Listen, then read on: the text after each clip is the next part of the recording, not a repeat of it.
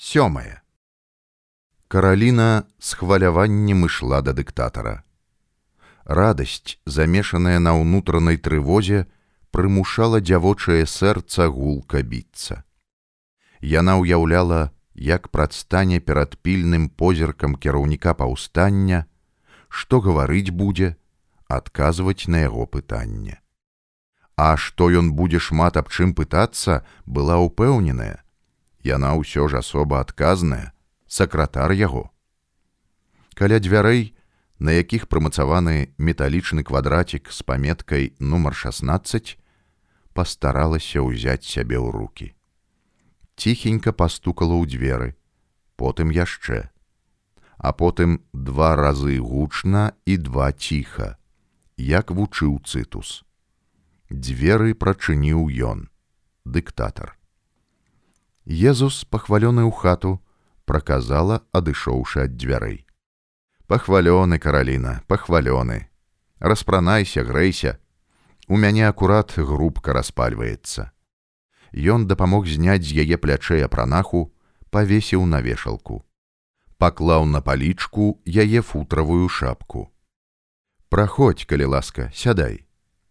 Караліна агледзела пакойчык. Стол, два крэслы, шафка у кутку ложак застелены коўдрай, акно зашторана парт'ерай. На стале паперы папкі, чарнільніца з ручкай. Над сталом на сцяне маленькі бел чырвона-белы сцяжок. Побач партрэты тадэвуша касцюшкі і Адама Мцкевіча, Тараса Шаўчэнкі і Александра Пушкіна. Караліна падышла да грубкі, прысела на бярозавую калодачку, на якой мусіць сядзеў часта кастусь, прачыніла дзверы, падставіла далоня агню. Зімна сёння на вуліцы.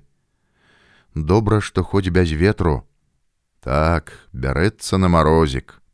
Нечакана неяк у гэтым годзе прыйшла зіма. Ранняя зіма. Кастусь склаў на стале патрэбныя паперы, шчакаў трохі, калі агойтаецца яго госця, падсеў да яе. Ну што, каралінка, давай знаёміцца бліжэй. Пра цябе я збольшага ведаю. Бацька працуе ў вучылішчы, маці швачка, ты хатняя настаўніца. Два браты малодшыя за цябе. Усё правільна. Яна кіўнула галавой, адняла руки ад грубкі. Паправіла доўгія косы, заклала за вушы. Пра мяне ты што ведаеш? Толькі тое, што мне можна ведаць. Але хачу папытацца хіба пра адно. Як звяртацца да вас, якое імя можна ўжываць? Сёння я ігнацій вітажэнец. Так і называй мяне ігнат гнат, як хочаш. Хоць ты і сказала цытусу, што гатова ахвяраваць сабой у імя святой справы айчыны, але гэта ад цябе я хачу пачуць сам. Тое ж самае і вам, ігнат скажу. Тое, што я павінна буду выконваць, пастараюся рабіць добра. Разумны адказ караліна. Я і не хацеў, каб ты гаварыла мне ўзнёслыя словы адданасці агульнай справе. Самае галоўнае спадар ігнат. Я не пашкадую свайго жыцця, для святой вызваленчай справы. Хацелася дадаць шчырае прызнанне і за цябе, дарагі кастусь. Але тыя словы пакінула ў душы. Не, каралінка, ніхто не патрабуе ад цябе ахвяраваць жыццём, ніхто. Усё ва ўладзе Ісуса Хрыста. Каралінка наклала на сябе крыж.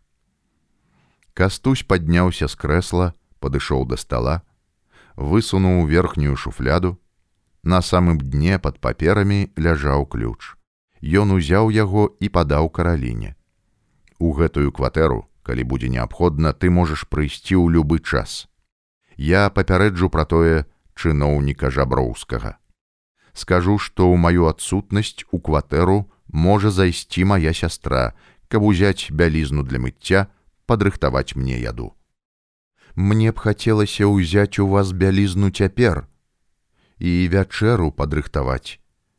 Яна затоена паглядзела на яго.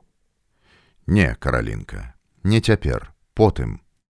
Ты павінна стаць маім другім я, ведаць, дзе магу быць, з кім сустракаюся. Калі ж я нейкі час не буду падаваць ніякіх вестак, звязвайся з цытусам. Або прыходзь сюды. Для чаго? Раскрываю табе першы сакрэт. Давай падыдзем да стала. Каралінка паднялася з калодачкі. Ігнат прыбраў стол, адсунуў яго ад сцяны, прыўзняў на дзве ножкі. Глядзі, нічога не кідаецца ў вочы. Не. Ён пазногцямі выцягнуў нябачны цвічок. У ножцы стала аказалася глыбокая адтулена. Тут я хаваю вельмі важныя дакументы. Пра гэты тайнік ты будзеш ведаць адна, ніхто больш. Вось і ўсё на сёння, спадарня каралінка. Дякую, ігнат за давер. Я апраўдаю яго да пабачэння. Да сустрэчы, караліна яцына. Хай паможа нам Бог. За каралінай нячутна зачыніліся дзверы. І не было чуваць, як яна спускалася па прыступках.